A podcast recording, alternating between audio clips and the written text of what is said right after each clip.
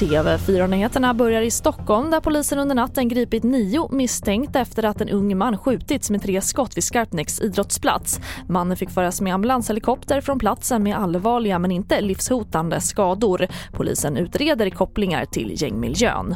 Genom poliser som har jobbat i området då har vi kunnat dragit slutsatser om vad det är som har inträffat och som har kunnat lett till en eh, följd av husrannsakningar där vi på flera platser har kunnat gripa personer misstänkta.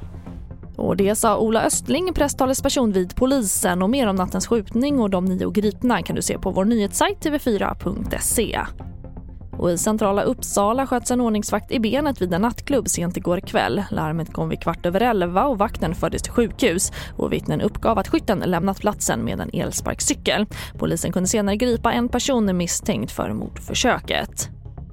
Och akutmottagningen på Värnamo sjukhus fick utrymmas en natt efter att en gastub exploderat. Det skapade en mindre brand med stor rökutveckling och en i personalen fick lindriga brännskador. Akutmottagningen har tills vidare flyttats till andra lokaler. TV4-nyheterna i studion Charlotte Hemgren.